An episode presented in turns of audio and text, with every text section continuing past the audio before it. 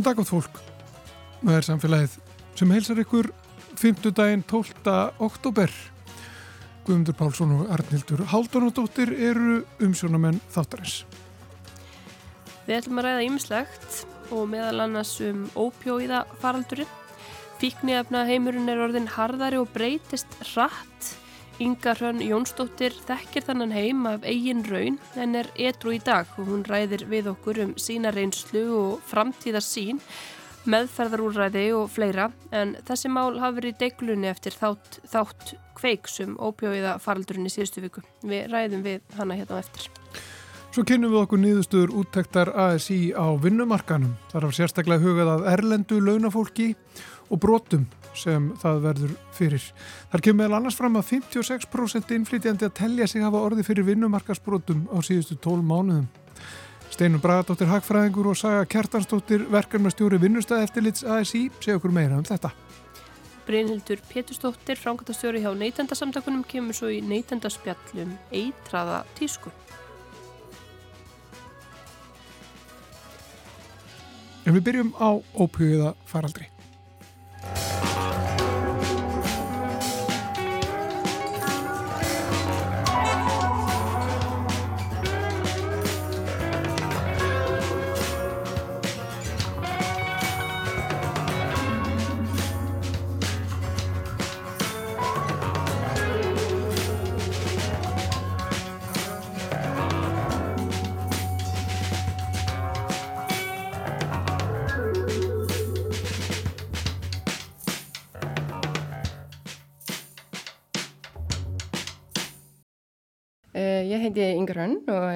28 ára, tvekja bandamóðir og hérna um, glimti sjálfu výmöfna vanda mjög lengi og hef svona verið að reyna að taka þátt í barátunni fyrir betri skadamingunar og meðferður úrræðum síðan að ég var eitthvað. Uh, þú horfið vendilega á, á þátt kveiks um, um stöðunum ópjóiða faraldurinn svo kallaða. Hvernig byrtist staðan þér? Þú þekkir fólk sem vendilega hefur orðið edru, fólk sem er enn að glíma við sína fíkn. Hvaða insýn hefur þú inn í þennan heim í dag og hvernig finnst það að hafa breyst? Sko það sem við höfum verið að sjá, ekkert endla bara núna en svolítið síðustu árin er það að krakkar er að byrja miklu yngri í harðar efnum og þú veist þetta var þannig þegar ég var að byrja að nota þetta var svona kannski djam um helgar og svo þróast það bönn eru jafnvel að byrja núna bara um fermingaldur og þeir eru að byrja bara að spröyta sig þú veist og bönn eru að byrja miklu fyrir að nota morfín og og bara einstaklingar sem er að byrja nýstlega ekkert endilega bara börn og sem er náttúrulega hræðileg þróun. Um, þar sem við höfum líka verið að sjá er að það er verið að bæta veist, eins og fentanili í efni og nótnindin veit ekki af því og þar að leiðandi eru döðsfellin eða þú veist það er koma fljótar og það hafa verið fleiri döðsfell um, heimurinn er einhvern veginn orðin miklu harðari, það er miklu meira svona hark, þú veist ég er að upplifa að ofbeldisbrót séu grófari meðþurra úrræði eru náttúrulega þeim er mjög ábúðavand og ég vil eitthvað benda á fjárskort þar og, skadamengandi úrræði náttúrulega eru frábæra á Íslandi en yfirleitt er ekki af styrkjum og sjálfbúðalum þannig að veist, það er svo margt í þessu sem að mætti bæta og veist, til dæmis það sem hefur verið umræðan líka núna undanfæri er að reyna að koma fólki á viðhaldsmeðferð og þá ekki veist, þessi súbóksonleif eða veist, búi kólsbreytunar heldur fólk sem að annarkost vill ekki eða getur ekki hægt að nota eigi að fá ópjóða frá læknum og sem ég held og það hefur bara sínt sig í þeim löndar sem það hefur verið gert að það bætir stöðun og auðvelda líf fólks rosalega en einhvern veginn þá er verið samfélagi vera mjög meðtækilegt fyrir því sko. Hefur þú sjálf reynslu af svona viðhaldsmeðferð? Sko ég er uh, sjálf núna á sem sagt svona narkanspröytum eða hvað þetta er kallað, þú veist, þessi súbóksonleif um, þannig ég hef ekki verið sko ópíðað skömmtun en ég hef þekkt fólk sem að uh, hefur fengið þetta í gegn. Og það sem að þau tala allum er að þau hafa miklu meira rýminni til þess að reyna kannski bara endur hugsað, endur beita lífsitt, þeim líðu betur, það þarf ekki vera að redda peningum um hverjum deg, það þarf ekki vera að brjóta af sig til þess að reyna út af því að það sem að gerist er að fólk fyrir að nota ópjóða og ég bara hef reynslu af sjálf er það að þú er svo ótrúlega háður þess ekki bara andlega heldur líkamlega líka. Þannig að það er ekki lengur þetta valum ok, í dag ætla ég að hætta og ég ætla að reyna að hætta að nota um, eins og þú kannski getur reynd að berjast fyrir á öðrum efnum. Að því að ef þú notar ekki þá verður þú svo ótrúlega líkamlega veikur. Þannig að valið er farið úr þínum höndum og þið langar til að hætta að nota svo kannski margra mánu að byggð í meðferðarúræði þannig að vítarhingunum verður svo rosalegur. Þú nefndir í upphauðu viðtalsins að þetta væri sko miklu hraðari þróun frá því að krakkar eða, eða bara fólk byrjar að fykta eitthvað við efni þar til að það er farið að spröyta sig. Og það að einmitt bara táningar, kannski 14-15 ára krakkar hafi aðgengi að svona hörðum efnum hvað heldur þau að skýri það að, að þetta sé orðin staðan? Hvernig, hvernig í rauninni hvað öflir þetta bakvið Sko ég rauninni veit ekki. Og tók einbarið bara akkurat þetta samtal upp við starfskunni og frú Ragnir um daginn að því maður finnst þetta svo áhugavert og það sem að maður hefur oft heyrt og ég svona geti einhvern veginn ekki alveg sett til dæmis þetta fentanil dæmin í það því að fentanil er mjög mjög dýrt á svartamarkunum En þegar það hefur verið að bæta inn einhverjum svona þinni efnum, þú veist, að þá hefur það verið til svona dríja innkomina, þú veist, við erum að selja töflu sem þú heldur þessi 80 milligram, en í rauninni 20 milligram af þessu er bara eitthvað allt annað, skilur þú, að þá svona eitthvað verið að reyna dríja innkomina og eignast meiri peninga. Um, ég gerir mér veginn ekki alveg grein fyrir eins og segi hvernig fentaníli passar inn í þetta, að að, veist, þetta er bara með dýrari lifum sem þú kaupir á svartamarkanum. Um, en ég hef búin að spá mjög mikið í þessu og það sem mér finnst svona svo skrítið er, þú veist, hvernig getur fólk haft þetta á samveskunni og þetta er náttúrulega skjálfileg þróun í rángátt en það sem ég held til dæmis að væri ótrúlega sterkur leikur væri að koma inn einhverju skafmengandi þjónustu fyrir fólk sem að er kannski ekki búið að þróa výmjöfnvanda sín mjög langt og fólk sem er kannski bara að byrja að nota og er ekki að leita sér aðstofar til dæmis í frú Ragnæði eða hjá Rauðakrossinu að það væri hægt að koma upp einhverju skamengt úr að að grýpa þetta fólk þarna, veist, og, og veist, ég hef engin svör um það, veist, hver staðan er, e, eða af hverju staðan er eins og hún er, en það sem við verðum sem samfélag að gera er að grýpa inn í að því að við sjáum þessi þróun er ræðilegt, veist, og og það er hægt til dæmis bara með að reyna að koma heilari, eða einstaklingum út í lífi, veist, bæta sálfræði þjónustu, bæta utanum haldi í skóla, veist, reyna að virka eineltismál betur og allt þetta, að ef að fólk kemst svona nokkuð heilt út í lífið eða hvað við segjum að þá eru miklu minni líkur á að þróa með výmafnavanda til dæmis þannig að það er svo, þú veist, ég held að við þurfum og styrum alltaf að reyna slökk og eldana eftir að þú veist, þeir eru búin að kveikna að við reynum að fara bara í rótinu, við reynum að fara í grunninn og halda utanum börnin okkar að þá held ég að við getum lagað mjög stóran part af þessu vandamáli. Það er talað um að uh, minnst að kosti 17 hafi látist á þessu ári vegna ofskömmtunar á ópjóiðum. Er þetta eitthvað sem að þú heyra af reglulega þekkiru einhver úr þessum hópi? Já, já, klárlega og svona neyslu samfélagið og sérstaklega þessi hópur á Íslandi er svona fremur lítill með við náttúrulega öðrum löndum að því að við erum lítið land. Þannig að það er svona yfirleitt að ef maður þekkir ekki þá kannast maður við einstaklingina og þetta er búið að vera bara ræðilegt ár með þetta að gera þú veist, ég man aldrei eftir þessu ástandi áður eftir að ég byrja að nota og það er bara svona nánast búið að vera líka við hverja einustu viku þar sem maður fréttir af einhvern sem er að deyja. Uh, þannig ég er mjög ósamála sem tölum, veist, ég held að þetta sé ekki rétt. Uh, það séu tölvört fleiri þó? Já, já, klárulega og veist, þetta er svona, veist, hefur áður verið og ég hef verið að fylgjast með því og pyrra með því þegar það hefur verið að koma einhver svona villandi tölur um þennan málstað bara í fréttunum og svona upplifu ofta sem ég verið að reyna að afvega leiða umræðana. Um, en ég, sko, þú veist, það sem er búið að vera svo sárt líka að sjá er það svo mikið á ungu fólki að deyja núna og einmitt fólk sem er ekkert endilega komið þá að vera að nota ópjóð eða er að nota výmefni í æð þú veist að það er svo mikið af bara svona krökkum sem er ennþá á djamminu sem eru bara að deyja og það er ræðilegt Það er þá að reykja ópjóð eða? Já, þú veist, meðal annars en það sem er líka bara að við sjáum eins og bara með kannabis til dæmis uh, kannabis svona markaður í Íslandi að koma á að segja að það er verið að blanda til og með spæs út í kannabisi sem er mikið harðara efni og er stór hættulegt og fólk neytandin veit ekki af því til dæmis, þú veist, það sést ekki. Veist, og það er verið að gera alls konar svona hluti sem að mér finnst óskiljanlegir og fatt ekki hver pælingin er á bakvið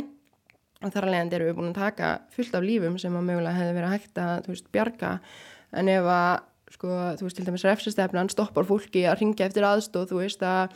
Núna er náttúrulega komið greiðar aðgengi allir með Snalagsson sem var ekki og er frábær breyting um, og svona þessi lutir ef að þeir hefði verið í lægi hérna fyrir lungu síðan skilur og einhverjum árum áður að, að þá væri örgulega ansið margir sem væri lifandi í dag sem eru farnir. Hvað telur þau að gæti í rauninni auðvitað, jú, kannski það sterkast sem þú ert búin að nefna sem að er að hlú betur að börnum og einstaklingum og senda þá heitlið út í lífið en er, er eitthvað fleira sérst, í þessum meðferðar þætti eða bara aðbúnaði fólks og, og, og því hvernig samfélagið uh, kemur fram við fólki í þessari stöðu sem gæti haft jákvæð áhrif eða snúið þessu við? Sko það er ansi margt sem að ég væri til að sjá breytast og sko nú er til dæmis búið að opna dagsætur fyrir heimilisleisar konur þar sem að þær geta komið á meðan að konukott er lokað á daginn. Og það er náttúrulega þegar þú ert að nota í öryggurími og þú ert með fólk sem að fylgjast með og veit hvernig það breyðast við ef það er ofskömmtun að það náttúrulega getur komið veg fyrir ansi margt. Um, þetta er eftir minni bestu vitund ekki búið að stopna fyrir kallana um, Ilja náttúrulega færanleitnir í styrjumi var sett á lækinnar og það er ekki opið lengur. Um, en bara þetta eitt og sér að geta notað á örugum staðar sem fólk veit hvernig það var bregðast við uh, breytir ansið miklu. Ef að við myndum sko minga ræfsistefnuna eða afnum að hana þá myndi fólk frekar þóra að ringja eftir aðstóð um, þegar það staðan að fólk bara þórir ekki að ringja ef að, ef að það sjálft finnur það er búið að neyta of mikils maks eða félagi eða vinnur að það, það er hrættið að ringja Já, ég held að það sé svona yfirleitt frekar ef að þú ert í aðstæðan þar sem einhver annar er að ofskamta. Um, ég þekki mörg dæmi um þetta, þar sem að kannski hefur mikið magna výmöfnum inn á heimilinu, það er einhverjinn á heimilinu sem lauruglunar er að leita eða, þú veist, eitthvað áleika að fólk þúrar ekki að ringja vegna þess að þau eru hrætt við hvað minn koma fyrir sig. Og það sem við hefum líka svolítið verið að sjá að ég hef upplifað er það að fólk er kannski að ringja og segja herðu, vinnu minn er áskamta, ég skilin einn eftir á klamblutunni og svo hleypur fólki byrtu, þú veist að því að þú veist, þau vilja kannski koma þessu vinnu sinni til bjargar en þau eru hrættið við hvaða aflengar hefur það fyrir mig.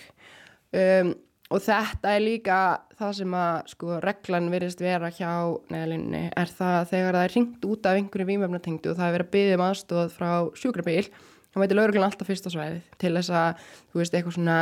aðtuga að, þú veist, sjúkraflutningamennir séu öryggir ef þau komin í þessu aðstöðar eitthvað svona sem að bara líkta rosalega að fordumum og það... Það þurftu upp á þá að, að hérna það sé einhver að fara að ráðast á um með spröytu eða þú veist, hver, hver er pælingin, heldur þú? Já, það er bara akkurat það að við erum búin að teitla í rauninni výmemlunótundu sem ofbildisfólk, þú veist, og auðvitað er alveg mikið ofbildið sem heima á allt það og ég ætla ekki að eitthvað að draga úr því, en þú veist, ég hef alveg sjálf verið í neðastæðum þar sem að þurft að ringja á sjúkrabíl fyrir mig og sko, ég bara neyta, þú veist, að ég er bara einhvern veginn og það var oft komið upp svo leiðis aðstæður þar sem að til dæmis konu kotið að brím þar sem ég bjóð sem að líka úrræði fyrir heimaðsleisa konu sem voru opnað í COVID að það hefur verið, þú veist, beðið um herðu yngjað, þú veist, við verðum að ringja sjúkrabílu, við verðum að fá aðstóð og en ég reynilega bara neytaði vegna þess að sko bæðið fórdámanir innan heilbyrðiskerfi séins og ég mætti meðferð laurugluna þegar hún mætir á svæðið er eitthvað sem við getum ekki þú veist, maður getur aldrei gessið grein fyrir að þetta verið svolítið vera bara það fyrir eftir hvernig skapilökunar í dag hvað er að fara að koma fyrir þig þannig að staðan var orðin þannig hjá mér á tímbeli ég fór ekki og sótti mér aðstofnum ég er umverulega held að ég væri að deyja sem er náttúrulega skapar margvíslegar afleggingar, fólk er kannski að ganga um með síkingu í, þú veist, brautusárum eða eitthvað bara í lengri, lengri tíma því að það þúrur ekki sækja sér hjálp. Uh, þú þarft ekki að svara þessu, en, en hvað var til þess að þú komst út úr þessu? Sko, mér finnst ég mjög heppin og þú veist, þetta er svona kannski ekki að segja undantækningar tilfelli en að einhvern veginn komast tilbaka, fá börnum mín tilbaka, fá fjölskyldunum mín tilbaka og einhvern veginn svona ná að byggja mér upp fyrir eitthvað heilbrygt líf um, einhvern veginn tókst eftir sko margar, margar, margar tilhörunir og ég var alveg á tímpunkti bara búin að ákveða þú veist að þetta er bara límætt, ég var mjög þreytt á að berjastu að reyna að verða í drú Um, þá var það í rauninni ekkert eitthvað svona svakaleg breyting, ég var bara komin með þetta gjörsan upp í kók, ég var mjög þreytt á að vera heimilslaus, ég var endalist í þessu harki, endalist einhvern veginn að reyna að fleita mér áfram.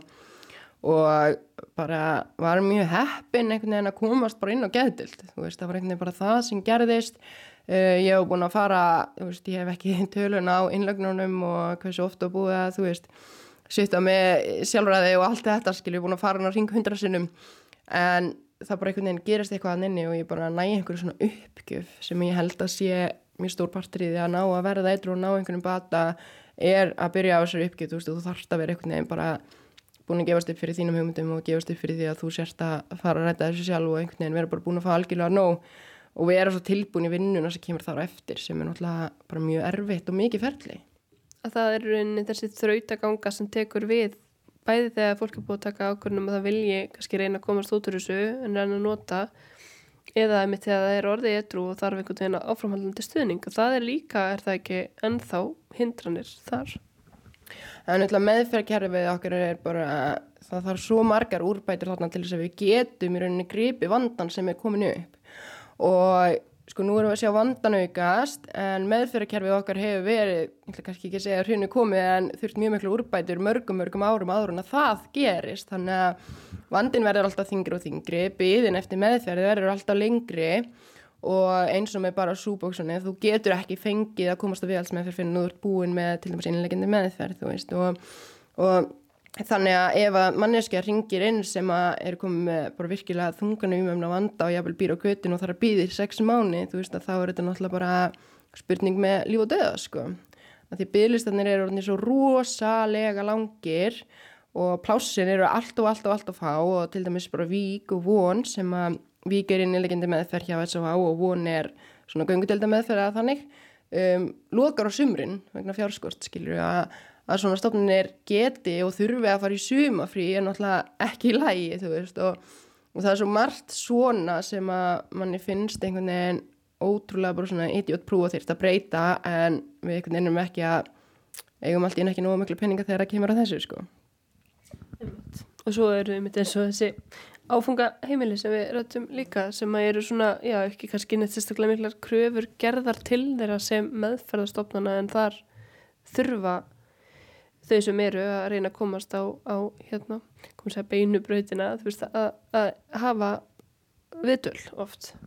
Já, já, klálega og það er rauninni engar sko, stífa regligerður um það hver má opna áfangaheimili þannig að veist, ég gæti alveg staðið upp í daginn og bara ákveða að opna áfangaheimili bara upp á minna einn spýtur sko. og það sem hefur oft verið og bara sko, lang oftast langar með að segja þetta eru til frábæra áfangaheimili líka en Það sem er oft er að þetta virðist vera reiki bara í gróðraskinni og einhvern veginn fólk sér einstaklingana sem innkomu og fólk er kannski að lega pínulítil herbyggi og er að koma veist út úr neyslu og jafnvel á veist einhverjum bótum frá félagsstjónastinni sem er ekki eins og 200 húsgrónur og kannski fullt af skuldum og allt þetta bara sem fylgir og er að borga kannski, þú veist, 2-3 af innkominu sinni í eitthvað pínleita herbyggi sem þau fáið að dvelji. Uh, það eru svo sett reglur og það sem að, sko, við hefum margótt séð er það að síðan er þér hótað með, þú veist, örygginuðinu og það er bara ef þú fer ekki eftir þessu þá er hent út, ef þú gerir ekki þetta þá missur það heimilið, þú veist, og sem er náttúrulega ræðilegt fyrir manneski sem kannski hefur ekki annan stað að leita á. Um, það er... Svo hvernig reglur þá? Um, bara eins og það hefur verið uh, að þrýsta fólk að fara á trúlega samkomur mæta á svona marga aðfindi á viku, þú veist, elda kvöldmatt fyrir fólki þú veist, og það er bara mjög misjand eftir í hvað áfangaheimilu við horfum á hvernig reglunar eru en það er oft, sko, það sem að einmitt að því það er ekki nógu mikið eftirlit með þessu að fólk kemst upp er bara nánast eitthvað svona hernaðar uppeldi þú veist og það var bara allt í unna að fara að taka manneski sem kannski er búin að búa á götunni þú veist tíu ár og var í 30 ára undan í nýstlega eða eitthvað og bara einhvern veginn hefur ekki upplifað einhver svona reglu allt í unna og svo manneski bara að vera færum tíu dögum eftir meðferð að hafa herbyggja alltaf reynd og búa alltaf á rúmi og vakna alltaf réttin tíma og búa alltaf morgum eða þú veist sem að bara mér finnst með eitthvað svo mikinn sens að taki bara tíma það er klárlega svona eftirlit er, er mjög ábútafant eins og við bara séðum með umræðinu um til dæmis betra líf. Uh, Lókum bara þegar ég er svo mikið með uh, hugan við það þessi hvað þetta hefur orðið grófara á svo ótrúlega stuttum tíma og þróun í bandrækjum er mjög ískikileg og manni finnst svolítið eins og við stöndum bara á einhverju svona brún. Ég er svo ótrúlega sammálaður og er búin að upplifa svo mikið vannmátt einhvern veginn gagvart þess að því mann langar svo að breyta og þú veist, maður vildur svo mikið óska þess að til dæmis bara peningur sem er notaður í refsistefnuna á hverju einast ári ef hann fær til dæmis í meðferð úr eh, hvað getur við sé og það er svo einhvern veginn, þú veist, ég gerir mig grein fyrir að þetta er kannski ekkit sem að er hægt að bara taka upp á þingi dag og breyta skiluru en öll þessi frumvörp sem hafa verið lögð fram og allir þessi tími sem við höfum haft fyrir breytingar og höfum verið umræðinum breytingar en ekki gert neitt að vissu leiti finnst mér það bara algjörlega að bera ábyrð á þessum lífum sem við erum að sjá fara í dag sko. En þú ert búin að mæti margar jarðafarir á þessu ári? Sko, ég var held í 25 ára eða 26 ára þegar ég tók ákferðunum að ég er hægt að mæti jarðafari hjá vinum mínum en þess að bara það erfiðasta sem maður gerir er að horfa fólkdra að bera bönnin sín út um, ég hef sko svona sem betur fyrir ekki eitthvað svona verið að upplifa mikið síðustu mánu að vera að missa fólk sem er kannski mjög náið mér en veist það var til dæmis eitt döðsvöldunum bara í byrjun ás sem að kom einhvern veginn bara mjög um þú veist þegar æskuvinu minn einhvern veginn fer. En já eins og ég segi þú veist einn sorgleg staðrind og það er þá bara tók ég ákveðin fyrir nokkur árum. Ég er hægt að mæti ég er að fara hjá vinnum mínum að því ég bara höndlit ekki og hef einhvern veginn freka bara svona tekið smá stund heima skiluru það sem maður bara einhvern veginn svona reynir og, og svo bara að vinna úr þessu. Þetta er heljarinnar áfall sko í hvers skipti sem að fólk deyir, þú veist, og þó að maður einhvern veginn svona sé búin að samfæra sig um að maður sé búin að brýna þessi fyrir þessu og já, ég er orðin við þessu og svona er þetta bara að þá svona ristir þetta alltaf eitthvað, sko. Já, það er sorginni þetta mikil og þetta umfangsmikil, það þarf að setja bara ákveðin mörg, ég skil það vel. Já, já algjörlega og svona, hefur oft svona blindað í mér smá samvinskupitt þegar að fólk er að deyja og maður hefur ekki mætt í jarðföruna en svona þegar maður hugsaði það til enda þá kannski skiptir það ekki manneskinu svo miklu máli sem líkur í kistunni hvort maður mætið ekki. Og ég held bara að við bara reynilega sem manneskjur getum ekki verið að taka inn á okkur eitthvað svona rosalegt sorgaferli svona aftur og aftur og aftur og aftur sko. ég held bara að við myndum ekki ráða við það reynilega mynd bara takk hella fyrir að tala við okkur í samfélaginu yngarhönn og deila bæði þinni upplifun og þinni sín á það hvað mætti betur fara Já, takk hérlega fyrir að bjóða mér.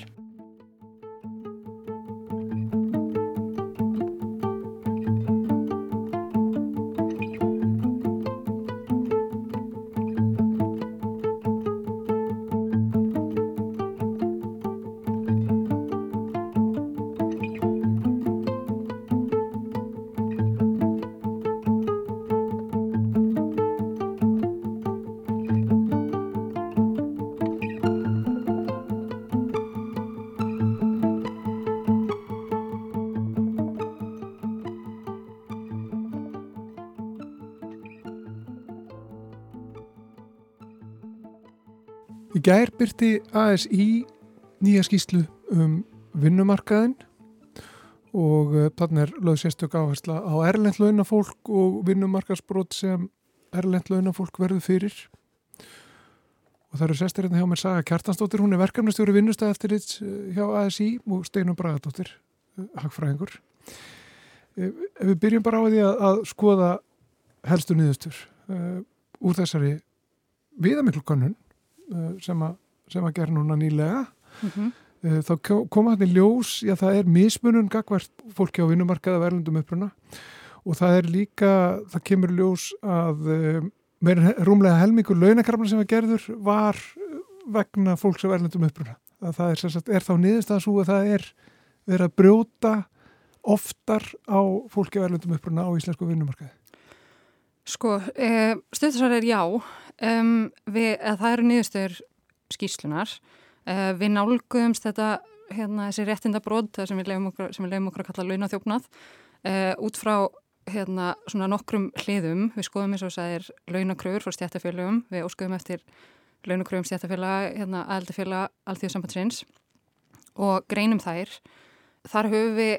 veist, einhverju upplýsingar, upplýsingar um aldur og bakgrunn eh, hérna, þessa fólks. Þannig við getum flokka fólk eftir hérna, já, skipti í erlend eh, launafólk og, og íslenskt og einskoða eftir aldri. Við greiningu þeirra þessara launakrafna er alveg ljósta hérna, meiri hluti, veist, já, stærstu, stór hluti, meirin helmingur krafnana eru gerðar fyrir hönd erlends launafólks sem er langt umfram vægið þeirra á vinnumarkaði sem var eitthvað í kringum 20% í fyrra og langt umfram hérna, vægið þeirra innan þessar stjættafélag sem er leiðis sem var eitthvað í kringum 27% um, innan þessar stjættafélag sem við höfum kröfur frá. En þetta segir ekki alla söguna, við veitum að hérna, launakröfur ná ekki einhvern veginn utanum allan launathjófna sem ásist að á, á íslensku vinnumarkaði og er svona einhver leiti toppurinn á, á ísjakanum um, en hlaupa samt á, á hundrum miljóna.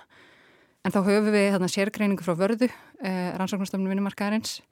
sem að því sambandið kallaði eftir og þar er um að ræða sjálfsmatt fólks þar sem að fólk er spurt hvort að það hafi orðið fyrir réttindabrótum á vinnumarkaði á sístu tólmánuðum og það svona stiður við þessar niðurstöður sem við fengum út úr greiningu launakrafna með, og þar, þar kemur fram að, að 56% eh, erlends launafólks í konunni e, taldi sig að hafa orði fyrir réttindabrótum á vinnumarkaði á síðustinu 12 mánuðum, rúmlega helmingur e, allra sem hérna, erlends launafólk sem tók þátt í konunni bara á síðustu 12 mánuðum um, En þar kemur byrtast líka hópar, uh, aðrir hópar sem við sjáum kannski ekki í launakröfum og höfum ekki upplýsingar um. um það er ungt fólk, stór hópur, ég held að það verið 70%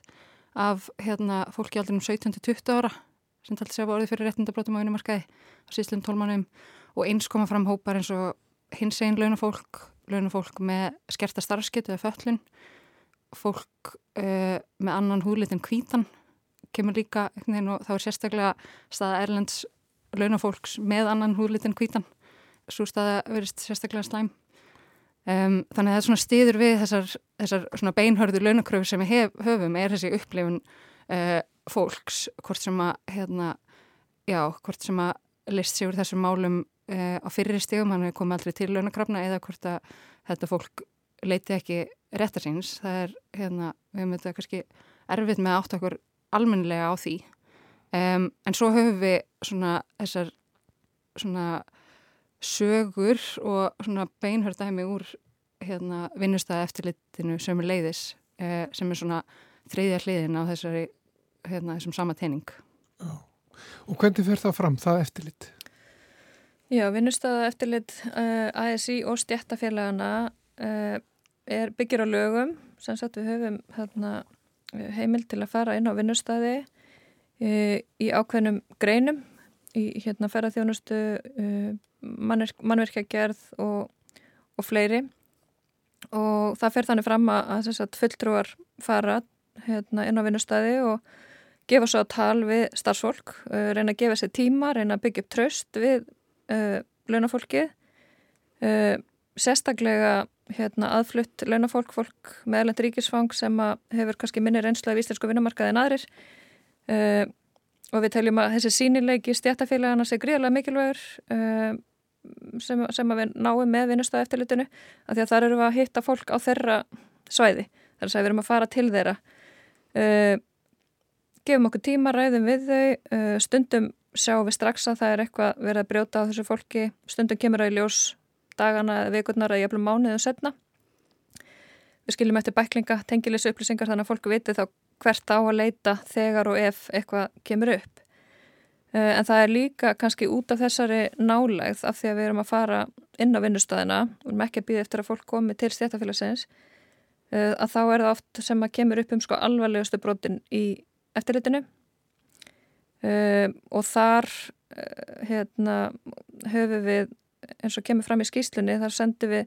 seldum alltaf fjöld, fjölda tilkynninga til ímis og stopnana, til vinnumálastofnunar, til vinnu eftirlitsins, lauruglu, skattsins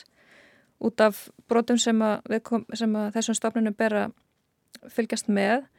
Uh, og við sendum þrjár tilkynningar á uh, mannsalsteimi á síðast ári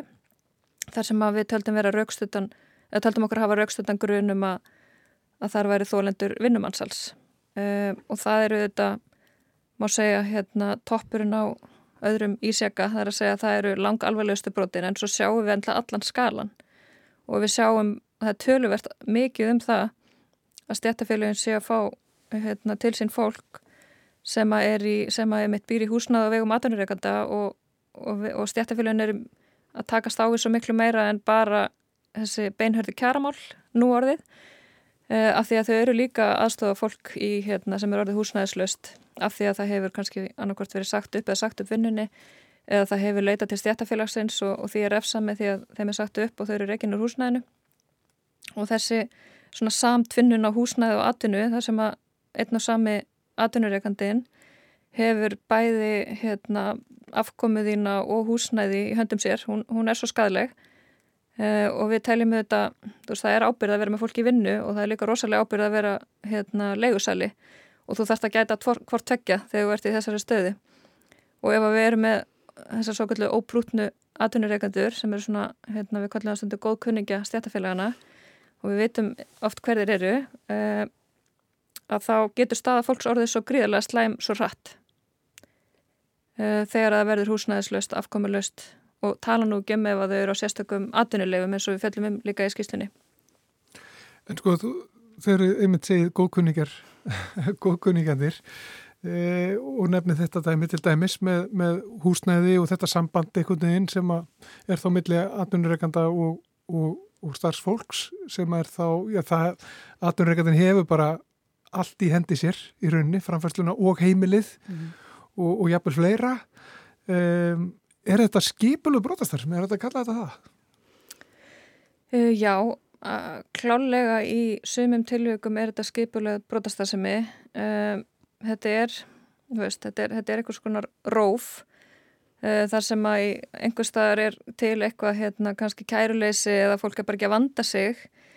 og svo er líka verið að segja að það er líka mikill fristni vandi vegna þess að laun eru auðvitað hár hátt hlutfall af kostnaði fyrirtækja og en aðalega er það þessi skortur á sko viðlugum, skortur á hérna, einhverjum fælingamátti sem að er hérna, sem að vanta svo sarlega af því að það, er, það gerist svo lítið þótt að þú stelir launum af starfsfólkinu afleggingarnir eru svo litlar að, að, hérna, að það er auðvitað stórt vandnam á lísu en svo ef við skoðum svona hérna verri hérna, endan á þessum skala að þá auðvitað er mikill ásetningur og mikill hérna, skipulagning í sumum tilökum. Og ég held að það, svona, það kemur svo skýrst fram vegna þess að samkvæmt niðurstöðum skýslunar þá er svo ljóst að brotin beinast að þeim sem að síður þekkja réttindi sín eh, eða eru í veikri stöðu til að sækja þau og það er engin tilviljun það er þannig að það, svona, það gefur okkur vísbendingur um að, að það er það er ásetningur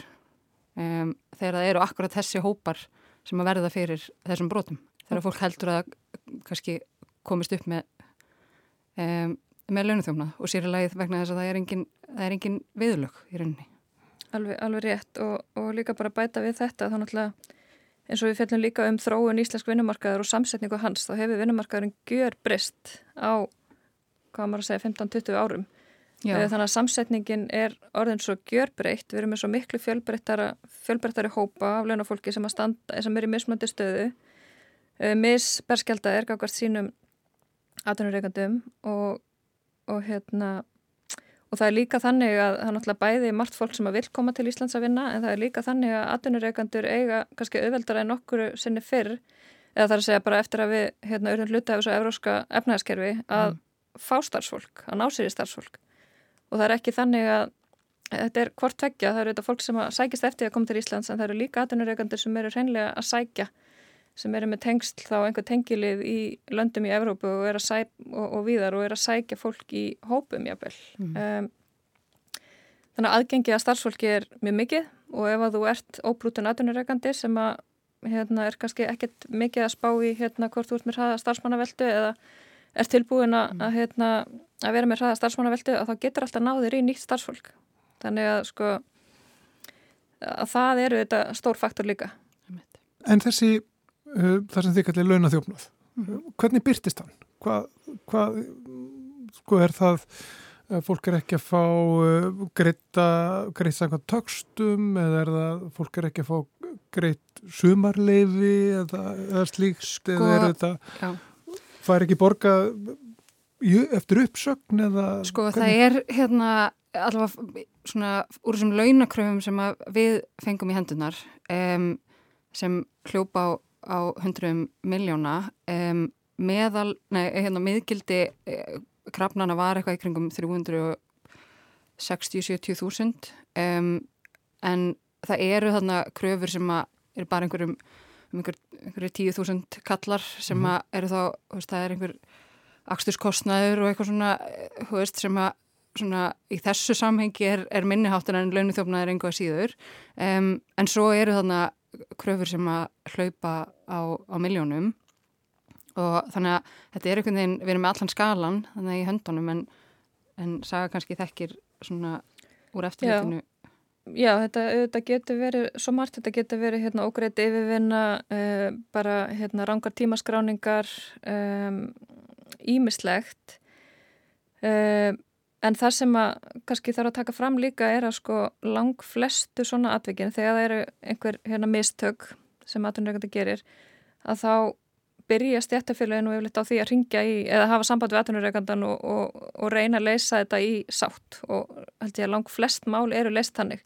Þannig að það sem verður að launakröfu er yfirleitt eitthvað sem er búið að reyna til þrautar að leysa öðruvísi og þess vegna tölum við alltaf um að þetta er toppurinn á ísækanum og þess vegna má líka leiða líkur á því að, að þá sé frekar sko ásetningur þar að baki af því að það hefur ekki tekist að leysa þetta í einhverju samtali. En félögin, stéttafélögin, hvert fyrir sig, það, það muna, allt þetta fólk er í stéttafélögum eða hvað?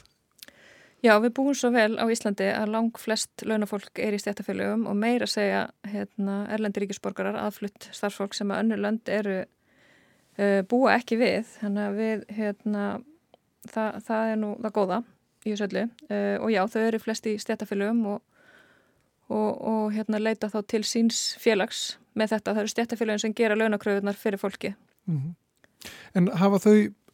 svögrúm og, og bálmang til að fylgjast með að, að, að það sé farið eftir setturreglum? Já, sko, góð spurning uh, stjættafélagin eru uh, mjög mikið í því að rekna hérna, launakröður og senda þær út og þetta væri óskandi að þær væri hérna, miklu færri og stjættafélagin getur frekar einmitt uh, beint meiri kröftum í eftirlit, þú veist, út á vettfangi en þau gera það þó, við erum með eftirlitsfjöldrua um all land. Þannig að stjættafélagin sinna því meðfram því að, að gera svo hérna launakröðunar uh, en auðvitað sko Eh, auðvitað líður okkur stundum í þessu vinnustáð eftirliti eins og við séum svolítið einn. Um, það eru vissalega hérna, stopnarnir ríkisins sem að, sinna, sem að hafa líka ákveðu hlutverk með eftirliti og sinna því. En við myndum vilja sjá miklu öflugra samstarf, mhm. miklu hérna, skilvirkara samstarf og meira og bara meiri áherslu á þetta, að uppræta þetta megin. Mm. Og þar kannski kemur aftur að að viðurlögum að einhvern veginn já, það er svona kannski erfitt fyrir einhvern veginn stjættafélagin að hafa, hafa undan þegar það er einhvern veginn það, það eru engin viðurlög fyrir, fyrir þá atvinnureikundur sem að sem að brota á, á starfsfólki sínu mm. með kæra samlingsbrotum en hérna og þá einhvern veginn svona erfitt að sjá þetta að taka einhvern, einhvern endi nema, nema svo verði sko Já, en, en hver eru þá viðlögin við svona brotum. Hvað gerist ef að, ef aðtunreikandi verður uppvísa því að jafnvel oft, brjóti, að hann brjóti ofta á, á starfsmönnum? Já, Hvað gerist? Það er eh, alltaf svolítið kannski sjökkarandi að hérna átt að segja á því að, að það gerist, í rauninni það sem að gerist er að stjættafélagið þetta hérna gerir launakröfu fyrir launafólki sem að sækja til stjættafélagsins og óskar eftir aðstóð því að stjættafélagin verða, verða alltaf að hafa umboð og samþyggi starfsmannsins. Við getum ekki gert hérna launakröfu bara yfir allt fyrirtækið ef að starfsfólki vilja ekki og ef það hefur ekki óskar eftir aðstöð. Uh, og þá getur atvinnureikandin greitt aftur þessu ógreittu laun en með nánast engum viðbóta kostnaði. Um, einhver er mjög litlir dráttavextir en ekkert sem að telur og ekkert sem að hefur neinn fælingar áhrif. Þannig að þeir starfsmenn sem að gerðu ekki launakröfur, einhverju hlutavegna uh, kannski eru þau viðkvæmari, viðkvæmari stöðu en aðrir og, og vil ekki rukka bátnum uh, við getum ekki leiðrætt þeirra kjör nema við getum náttúrulega kannski veitt þeim vinnust að sérstaklega aðtegli og farið í eftirlitanga og reynda að tala við fólki uh, en, en þetta kemst aðunurreikandum fyrir eitthvað ódýrt frá þessu finnst okkur En hvað er þá þetta að gera? Hvernig er þetta að breyðast við þess að það kemur svona skýsla þar sem að kemur ljós að það er brotið á ellendu starfsfólki hér uh, jafnveg í stóru stíl og á ýmsan hátt uh, hvað hvað þarf að gera? Hvað er þetta að gera? Sko það þurfa náttúrulega í fyrsta lagi að vera eitthvað viðlug ef, að, mm. ef, að það, hérna, ef að þú verður uppvísa því að greiði ekki rétt laun uh, og þú leysir það og þú greiðir það ekki bara hérna í sátt já, að, að þá já. þarf að vera eitthvað uppæð sem að leggst ofan á það sem að rennu þá til launamannsins eða konunar til að bæta upp þann skada sem hefur orðið. Mm uh, þannig að það er eitt. Og svo varandi svona meiri skipilagi brotastað sem er alveglega brot að þá þarf, eins og ég myndist á áðan, þá þurfa þarf að vera miklu markvissara og skilvirkara samstarf milli okkar í verkefliðsefingunni og stopnarnar ríkisins og stopnarnar ríkisins þurfa að hafa mjög skýrar heimildir til að sekta og til að loka vinnustöðum og, og svo framvegs og það þurfa að beita þeim þannig að það er það sem þarf mm.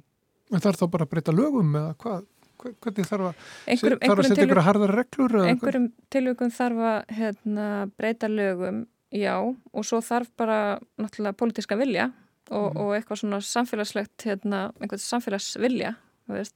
þurfum alltaf að vilja að breyta þessu. Já, og er það ekki þannig? Ég meina eh, þá við tölum um bara, þú veist, pólitíkina og, og, og samfélagið eins og leggur sig, ég meina, Já, er þetta ekki eitthvað sem að... Svo er þetta atvinnureikundur líka, um, það þarf að vera einhvern veginn sameinlegur vilji til, til að breyðast við þessu og, og svona frá okkar bæðurum séð þá ætti hérna, e, ætti atvinnureikundur að hafa álíka mikið áhuga á hérna, því að uppræta þennan vanda eins og við um, bæði hérna svona skýrsla og hérna og já, nýðastöðu skýrslunar svona og þær sögur sem við heyrum eiga, þú veist, geta einhvern veginn sett svartan blett á ákveðnar atvinnugreinar og, og, og eins er þannig gangi bara ákveðin undirbóð um, og sem svona skekkir samkefni stöðu fyrirtækja uh, þannig að það ætti að vera hagur svona þessara heiðalögu atvinnureikanda að hérna, að vera með okkur í, í barátunni gegn lönnþjófnæði mm. þannig að ég held að já, það er, það er stjórnvöld það er verkefliðsæfinginu auðvitað mikilvægt að, hérna, að fólk þekki, þekki rétt sinn um, og svo auðvitað viðlögin og, og þar komur stjórnvöldin Já, einmitt Við skulum ljúka þessu svona eh, Steinum Bræðardóttir Hagfræðingur hjá ASI og Saga Kjartastóttir verkefnumstjóru vinnustæðistilits Eh, hjá ASI. Takk fyrir komuna í samfélagið og þá má benda fólki á það að lesa þessa skýslu og, og, og skoða þessa niðurstur á webnum ykkar asi.is. Absolut, takk fyrir okkur.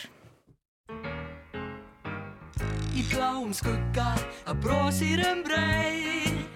Við eigum pípu kannski eilítið mei Við eigum von og allt sem er dæmt og deg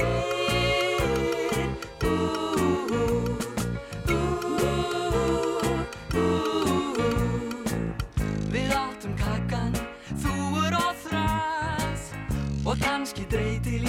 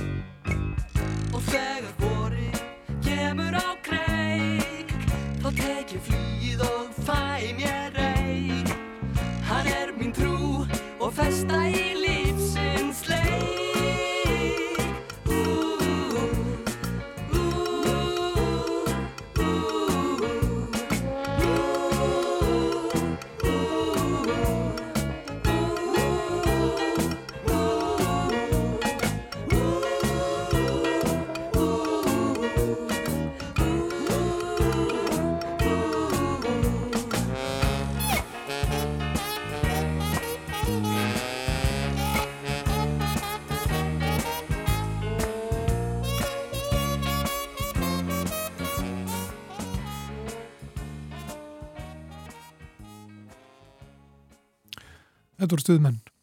og uh, lagið í bláum skugga. Og þá er komið að neytenda spjallin okkar. Brynhildur Pétursdóttir, frangatastjóri neytendasamtekana. Við ætlum að ræða um uh, eitraða tísku og uh, ár sem að já, breytum lit eftir því hvað litir eru ráðandi á, á tísku pöllunum hverja stundina. Já, við erum hérna með svolítið stóra grein í blæðinu. Ég rakst það svo ótrúlega áhugaverða bók eftir uh, bandaríska blæðakonu sem heitir Alden Wicker og hún skrifar þessa bók sem heitir To, Die, to Die For, það er sem sagt Die með uppsölunni, sem sagt eða lita til ólífis og hún hefur verið að svona skrifum sjálfbara tísku og haldi út í vefstuði bara í áratögu eða eitthvað og svo er hún beðnum að koma í viðtal að það hafi voru að koma stundum upp mál þar sem að uh, áhafnir eða flugflögur flugþjónar uh, fóru að fá einhver ofnæmis eða bara engin, ekki bara ofnæmisengin heldur eru beinleins veik og það var talið um, að reykja mætti það til enginninsbúningana mm -hmm. og hún vildi nú ekki færi viðtalið og hún sagðist ekkit þannig að ég hafa vita um þetta en er einhvern veginn vaknað og hún fer einhvern veginn að,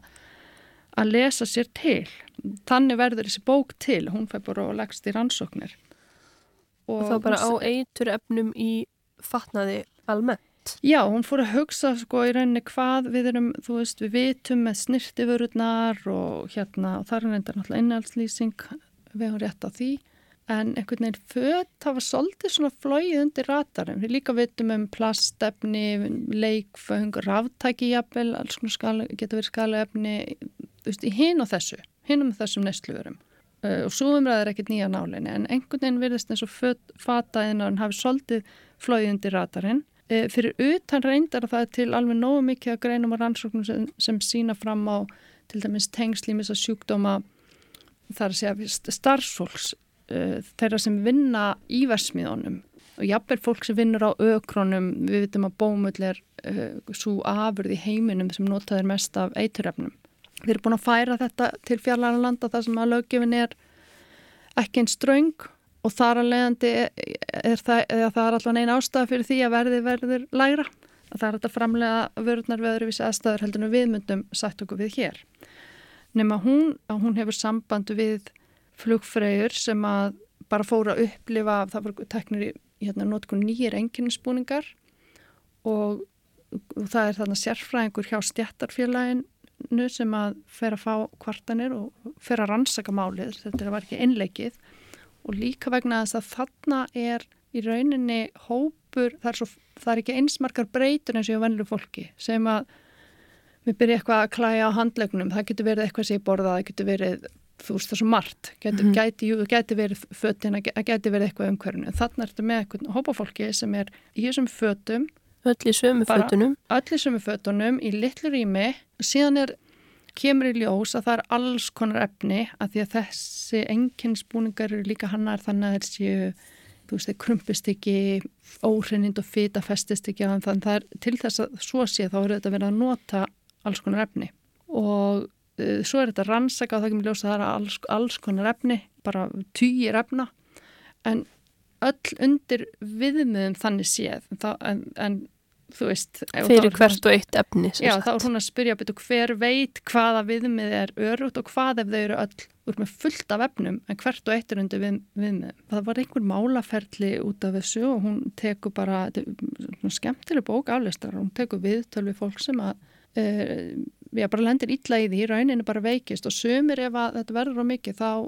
verð, fær fólk í rauninu bara óþörflug akkvart öllum svona kemiskum efnum. Það þólir ekki þessi manneski með ylvatn, nálagt eða neitt Já. slíkt. Og viðbröðin eru svo oft að þú ert bara svo ótrúlega viðkvam veist, það er ekki rauninu sem flugfélagin voru ekki þannig sé að taka ábyrð heldur var þetta bara vandamál þeirra sem lendi í þessu. Uh, Þú nefnir að, að það hafi svona verið minna talað um eituröfni í fötum heldur en nefnitt í, í snirtiförum og við fáum þessar oft torræðu svo sem innihaldslýsingar með snirtiförum sem við kaupum með matvælum. En svo fáum við bara vita kannski að, galabúsunar okkur, okkar sé úr bómull eða eitthvað sé póliester blanda við veitum ekki hvaða efni eru nótuð annarkvort þá við sko að lita föttin eða meðhendla þau eða hverju að spreyjað á þau einmitt. en við fáum ekki upplýsingar um þetta.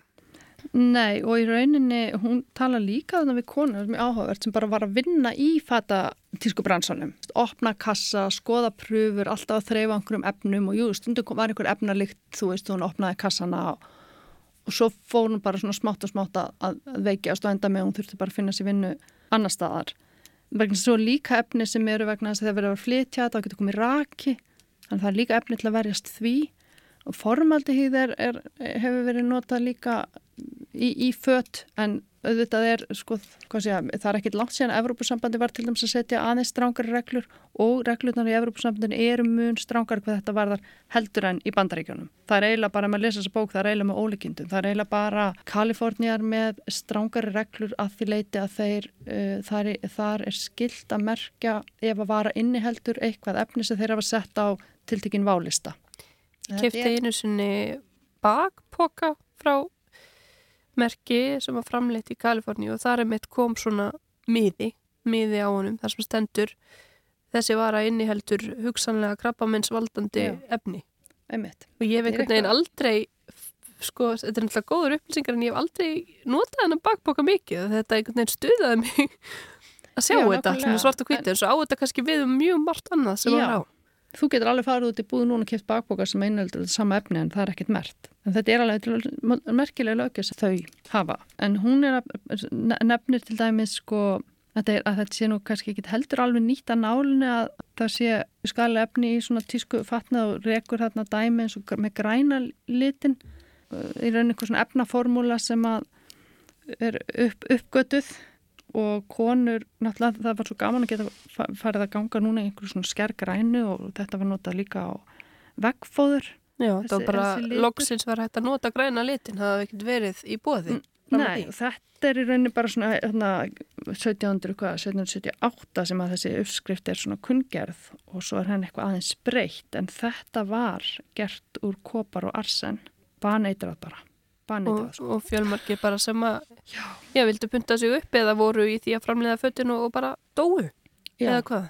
Já, og, þó, og fólki sem að vann við þetta, það auðvitað fór langverst út úr þessu en, uh, og, og síðan auðvitað fólki sem að notaði þetta. Konur, ég var, alltaf, var ekki alltaf að líða yfir konur á þessum tíma? Já, það var ekki bara korsalettin eða þess að hérna Nei, emmitt. En, en sko, síðan er þarna, þetta er ekki allt bara döð og djöfull, það er fyrir ekki er alveg að, þú veist, taka til hjá sér og hún sagði oft eru reyndar stórir framlegendur svolítið að taka til hjá sér. Þannig að þetta er ekkit endilega þannig að stóru keðina séu vestar en hún mælir alls ekki með fatnað eins og frá þessum hraðtísku, með að háhraðtísku fyrirtækjum getur við sagt kannski eins og sé, séin Já, þau eru náttúrulega uppvísa því þetta er kínverska merki hérna, er ódýrt og að panta á, á þau eru uppvísa því að það var gerðir einhverjar greiningar, það fann, fundust þarna einhver alveg bara í badnafötum og eitthvað ógislega efni. Og síðan er þarna Ökotex, það er uh, þýst fyrirtæki sem að vottar textil og þau eru með einhver, ég man ekki hvort gera test fyrir einhverju 350 efnum og neytundu kannast kannski við þetta Ökotex, þetta séð þetta á sangufötum og, og svona hinn, hinn á þessu. Og svo eru þetta til um, vottuð umhverfismerki eins og Norrönn Svannurinn og, og Evrópublómið. En það er ekki mikið af fötum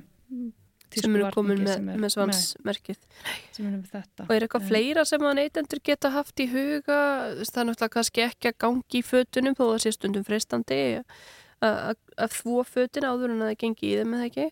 Jú, það er alveg grundvallar atrið og mér er svo áhört, mér finnst einhvern veginn allir vera með einhverja sögur, einn saði mér hérna, maður segið ekki hann hefði sem finnst eitthvað skrítið að þvó fött áður en að byrja að nota þau.